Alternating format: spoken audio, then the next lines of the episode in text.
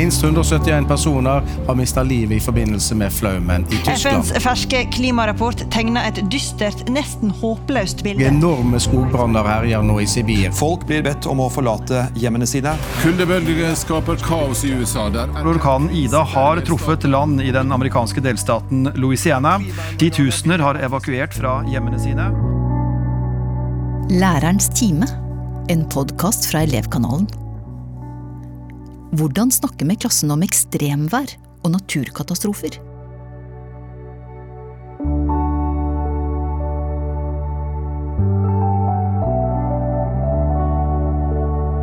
Sammen med meg i studio sitter psykolog Hedvig Montgomery. Velkommen, Hedvig. Takk.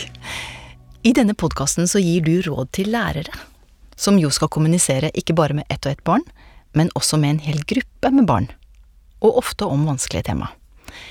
Det gjør jo at lærerne kommer i krevende situasjoner noen ganger. Det er klart at hva et barn har vært med på før, eller er interessert i, og hvor de er hen i utviklingen. Når du står og snakker til en gruppe med barn, så kan en være nesten sånn morbid interessert i teknikaliteter eh, rundt eh, død og katastrofer, mens et annet barn har en familie som eh, har eh, vært eh, i nærheten eller overlevd en naturkatastrofe. Det kan være litt av en balansekunst. Ja, for i dag så skal vi snakke om det mange barn syns er skremmende, nemlig naturkatastrofer og ekstremvær. Um, hva er det som gjør at barna syns at dette er så skummelt, tenker du? Det skulle nesten bare mangle, for å si det først. Men det som er med barn, det er at de lever et liv hvor de begynner å skjønne fra syv-åtteårsalderen hvor mye som kan gå galt her i verden. Samtidig som de ikke har noen mulighet til å styre særlig mye i sitt eget liv. Sånn at det gjør at et helt vanlig barn kan plutselig bli redd for å sove borte, kan bli redd for innbrudd, kan bli veldig redd for at det skal begynne å brenne. Altså kan få veldig voldsomme angster fra åtteårsalderen, og som nesten topper seg i elleveårsalderen. Eh, den der opplevelsen av at jeg, at jeg skjønner hva som kan skje, og ikke kan styre det, er stor, selv på ting som de ikke trenger å være redde for. Og hvis du da legger til at det faktisk er ting som er helt, helt rammer, helt tilfeldig, og som foreldrene også blir litt redde for, så er det ikke noe rart at, uh, at, det blir voldsomt for barn. Og for de litt eldre ungdomsskoleelevene så er det også klart at ekstremvær er jo koblet opp mot fremtiden. Hvordan kommer dette til å bli fremover? Er det fordi vi har ødelagt kloden vår at dette skjer nå? Hvordan kommer det til å være om 20 år? Dette klarer de eldre barna å tenke ganske mye rundt, og igjen med lite midler til å gjøre noe med det. Ja, for klimakrisen har jo gitt oss mange naturkatastrofer i verden det siste året bare. Det har vært tsunamier, det har vært orkan, flom, jordras. Og alt dette har jo veltet innover oss i form av dramatiske bilder i nyhetssendinger og på sosiale medier og internett. Hva fanger barn opp av alt dette som skjer i media? er veldig individuelt. Eh, noen barn eh, det, bare, altså det, skal bare rett og slett være litt uflaks hvis de skjønner at det skjer noen ting. Mens andre barn eh, dras til det. De dras mot det mørke. Det er akkurat som når de ser noen ting som er en katastrofe, så er de på det. Så det er kjempeforskjell. Noen barn tenker 'å ja, men det har ingenting med meg å gjøre, for det er jo i Kina'. Eh, mens andre barn eh, flokker til og, og skal se hver minste detalj, så her er det veldig, veldig store forskjeller. Og så tror jeg også vi skal huske på én ting til. Det er at det er ikke noe nytt med naturkatastrofer. Eh, det aller meste er beskrevet lang tid tilbake igjen i Gammeltestamentet om naturkatastrofer. Men det som er så nytt i våre dager, er at vi kan følge med levende bilder i sanntid fra hele kloden samtidig. Så man kan jo av og til også sitte og lure på hvor mye som er en faktisk økning, og hvor mye som er en økning fordi vi har en tilgjengelighet på informasjon og bilder som er helt ny. Og jeg tenker av og til det når jeg ser på barn, og også på voksne, at egentlig har vi ikke hjerne til å håndtere all denne informasjonen. Det å forholde seg til alt som rammer noen til enhver tid, er en ganske stor oppgave. Mm. Samtidig så er det å kjenne verden, ha et medmenneskelig blikk for folk som lever andre steder, det å føle solidaritet ikke bare med de som sitter ved siden av meg, men også de på andre siden av jordkloden, er jo en viktig ting. Så som lærer så står du der og har plutselig for mye du skal putte inn og bruke som eksempler for å hjelpe disse barna til å være opplyste, kunnskapsrike og bra mennesker. Og det du beskriver nå, det er egentlig at læreren kan komme i en situasjon hvor han eller hun står i en slags spagat da, mellom barn som er redde og barn som ikke bryr seg. Barn som vil vite mer, og barn som egentlig ikke orker å høre mer. Mm. I en og samme gruppe. I en og samme gruppe. Og etter all sannsynlighet så skjer dette hver eneste gang.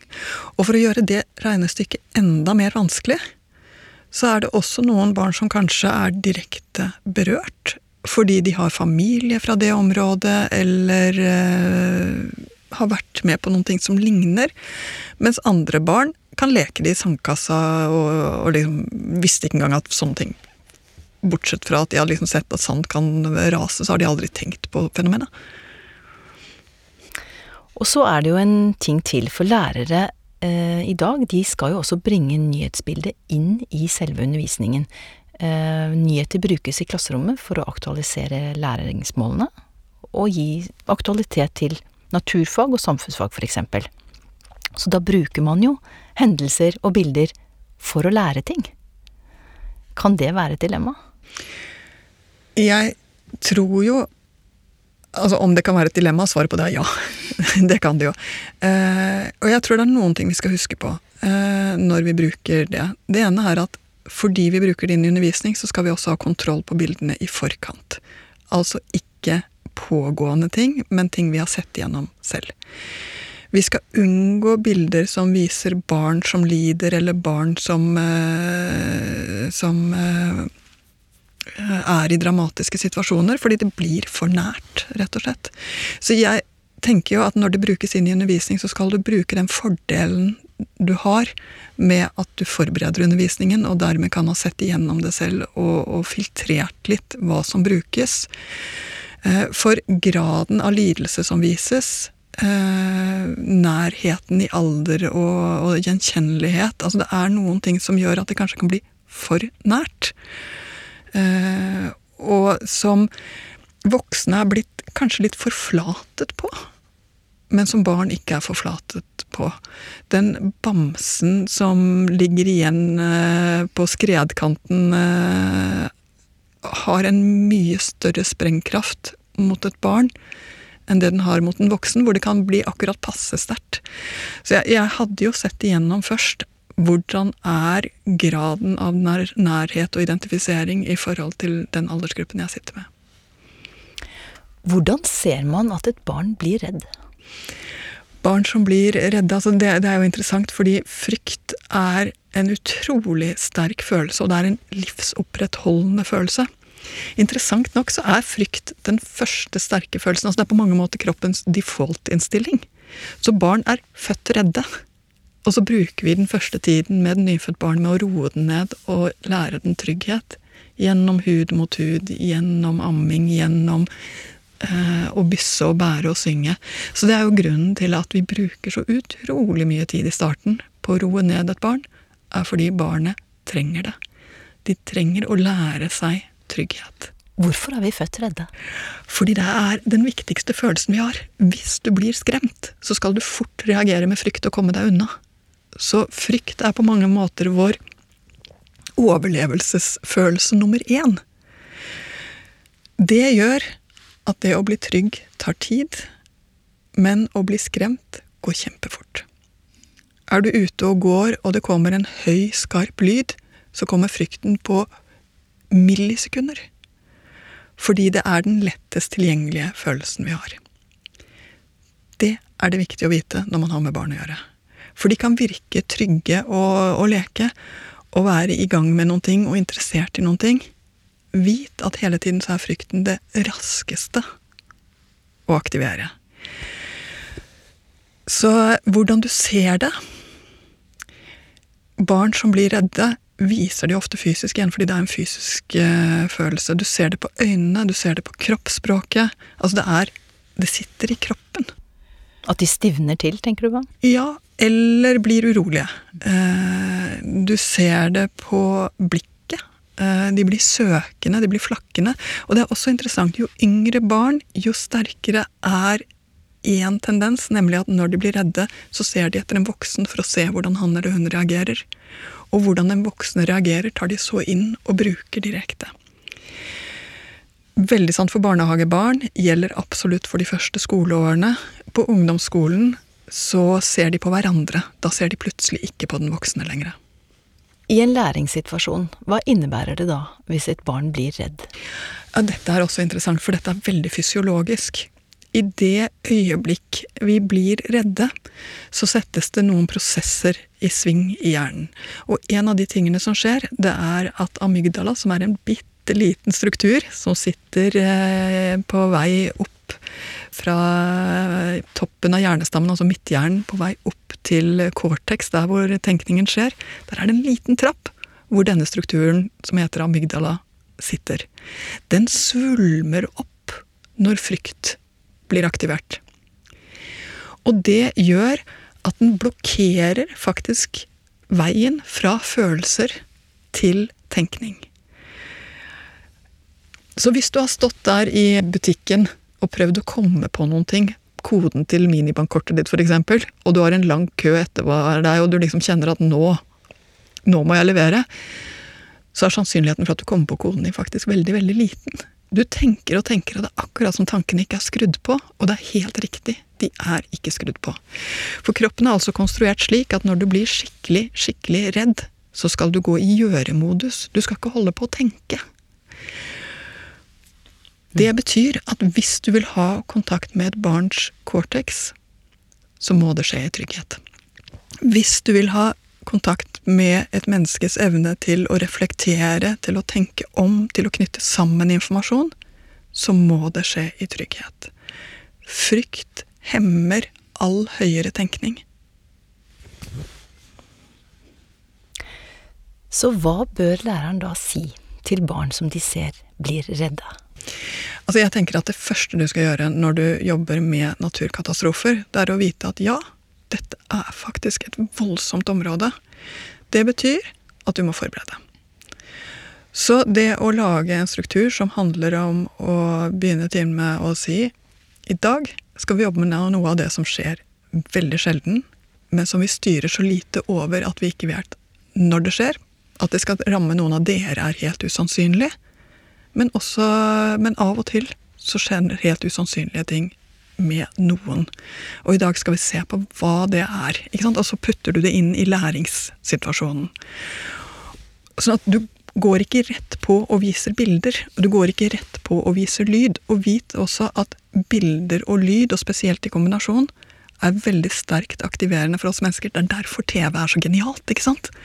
Fordi bilder og lyd virker mye sterkere. Så du må begynne før du kommer til bilde- og lyd effekten, så må du også begynne med å snakke inn i. Da er det lettere å gå inn i der hvor du blir aktivert. Sette det i en ramme på en måte før man går inn i det. Ja. Mm. Eh, når du så viser det, så skal ikke du sette deg ned og scrolle eller gjøre noe annet, eller tenke på hva du skal ha for noe til middag, men ha litt blikket. Hva skjer for noe i klasserommet nå? Og ofte så vet du jo hvem det er som er lettskremte. Du vet hvem det er som eh, kanskje kommer fra steder hvor, hvor det kan ha skjedd noe tilsvarende. Du har jo litt informasjon i forkant. Det skal du bruke nå. Skann ansiktene og, og, se hva som skjer. Eh, og da vet du også mer om hvor du skal begynne å snakke når du er ferdig med, med det som er å vise bildene. Denne følelsen av avmektighet, den kan jo alle kjenne på, egentlig. Dette er noe stort, det er noe vi ikke rår over, det er noe som kan ramme vilkårlig. Uh, og med det så kan du følge en håpløshet, kanskje. At uh, jeg kan ikke gjøre noe. Mm. er det likevel viktig å, for en lærer å peke på det man kan gjøre? Jeg tenker i, i alle kjølvannet av katastrofer så er det jo alltid opprydningsarbeid og folk som griper inn og prøver å hjelpe, og så fokusere på den biten av det. Altså, katastrofer har i alle tider vist frem hvor sårbare vi mennesker vi er, og hvor avhengige vi er av hverandre. De har i alle tider vist frem hva medmenneskelighet gjør med et samfunn. Og den tenker jeg faktisk vi skal holde på. For det er noe veldig, veldig viktig i den medmenneskeligheten og den varmen vi mennesker har for hverandre. Den trenger barn også å se. Og jeg tror av og til det er litt sånn fordi de ser så mye på TikTok hvor allting er 15 sekunder, fordi de ser så mye klipp, så går de glipp av sammenhengene, og de går også glipp av det som er det dypt sett menneskelige i det. Ja, for i det så ligger det jo håp og kjærlighet og samhold og verdier som bygger ut trygghet, da. Ja. Kan det å ta barns frykt på alvor og snakke med dem om dette og gå inn i det, også bidra til å forsterke frykten? Altså, ja ja, selvfølgelig kan det det. Uh, og jeg, jeg, tenker på det når du er skikkelig, skikkelig redd selv, så ser du jo ikke etter en som er like redd som deg selv. det, eh, og det er et eller annet i den praten vi har hatt om å anerkjenne barns følelser, hvor vi har gått glipp av noen ting. Nemlig at det er jo ingen hjelp i seg selv. At noen ser at du er redd og sier ah, 'ble du skikkelig skremt'? Hvis du stopper der, så har jo egentlig ingenting magisk skjedd. Det som skjer, er jo i neste trinn, når du sier 'jeg vet', men det ser nesten verre ut enn det det er. Og det er også noen ting med å huske på hvor er det det skjer, hvilke betingelser er det det skjer under. Altså pakke det inn og gjøre det trygt.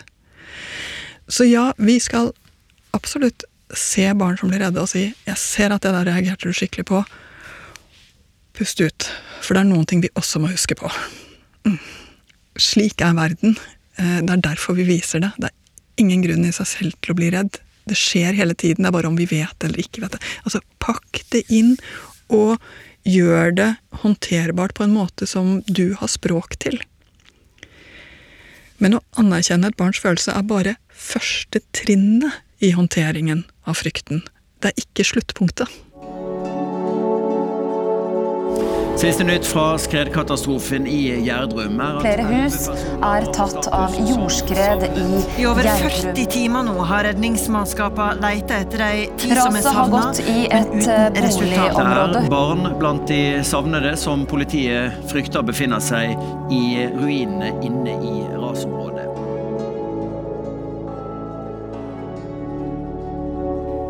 Veldig mange av disse naturkatastrofene eh, kommer jo til oss i form av bilder fra andre steder av verden, i verden.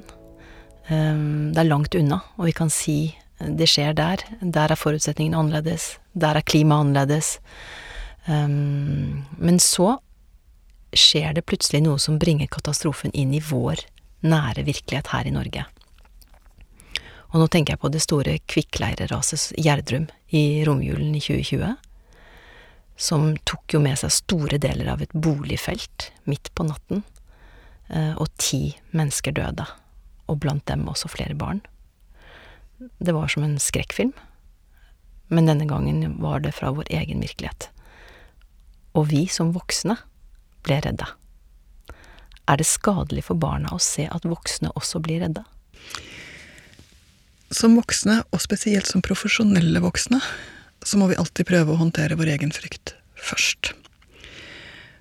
Så fordøy litt dine egne øyeblikkelige reaksjoner etter beste evne. Det er hardt med det, men jobber du med barn, så er det enda viktigere å ta godt vare på seg selv og sine egne reaksjoner, fordi du skal alltid kunne gi neste skritt videre, nemlig det fordøyde og det litt tryggere. Barn klarer ikke å gjøre det selv, og er derfor avhengig av at vi viser en vei i det.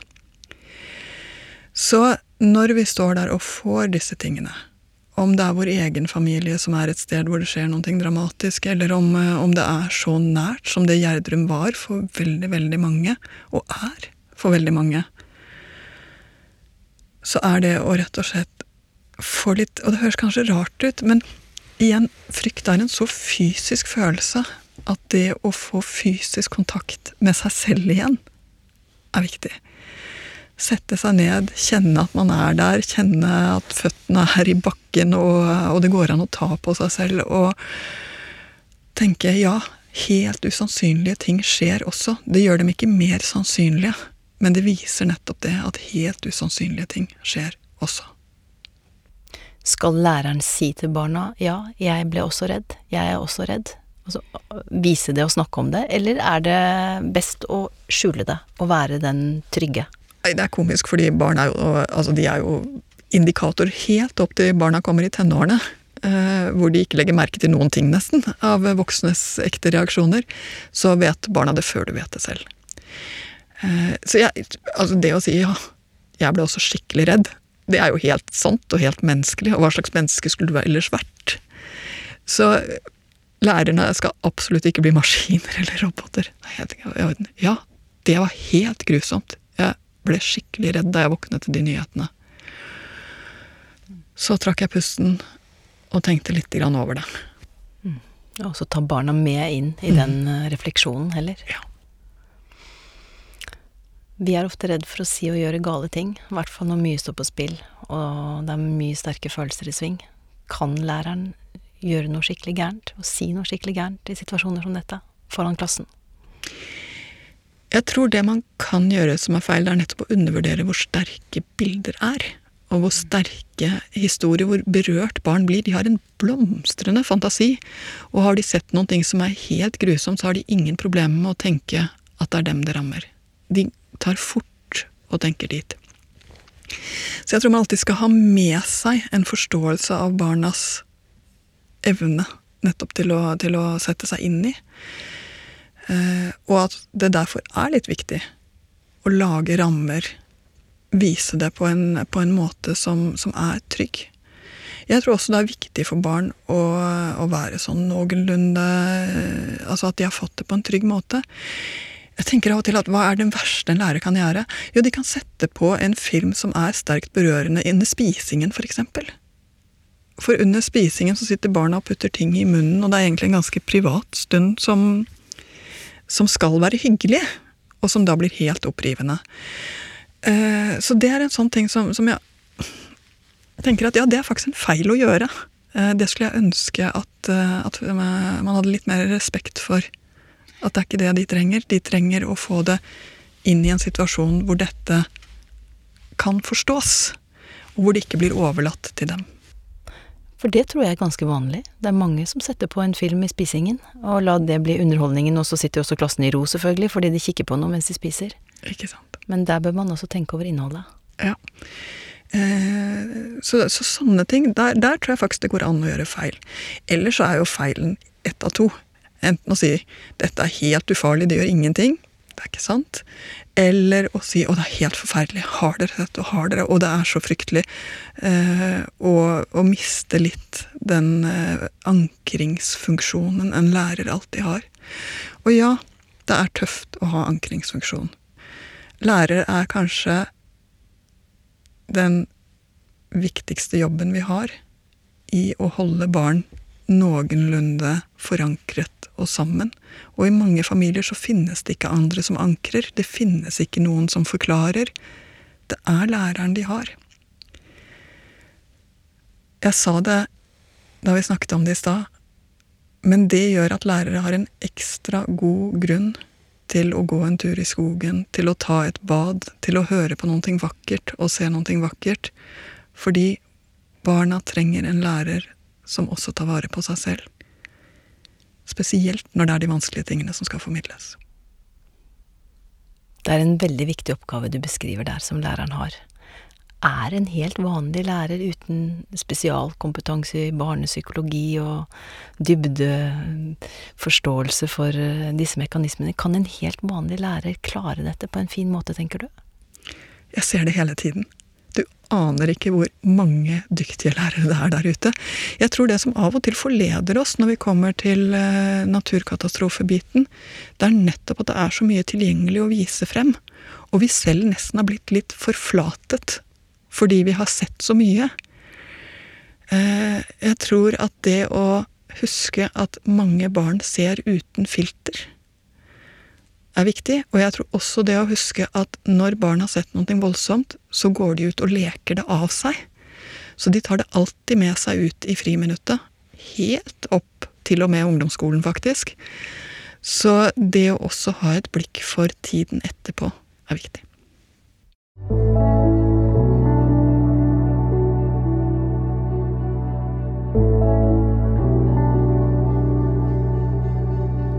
Det var alt vi rakk i denne episoden av denne podkasten. Du har hørt på Lærerens time fra Elevkanalen. Er du lærer og har spørsmål til Hedvig Montgomery, skriv til oss. Mailadressen vår er tonjohedvig at elevkanalen.no. Vi høres!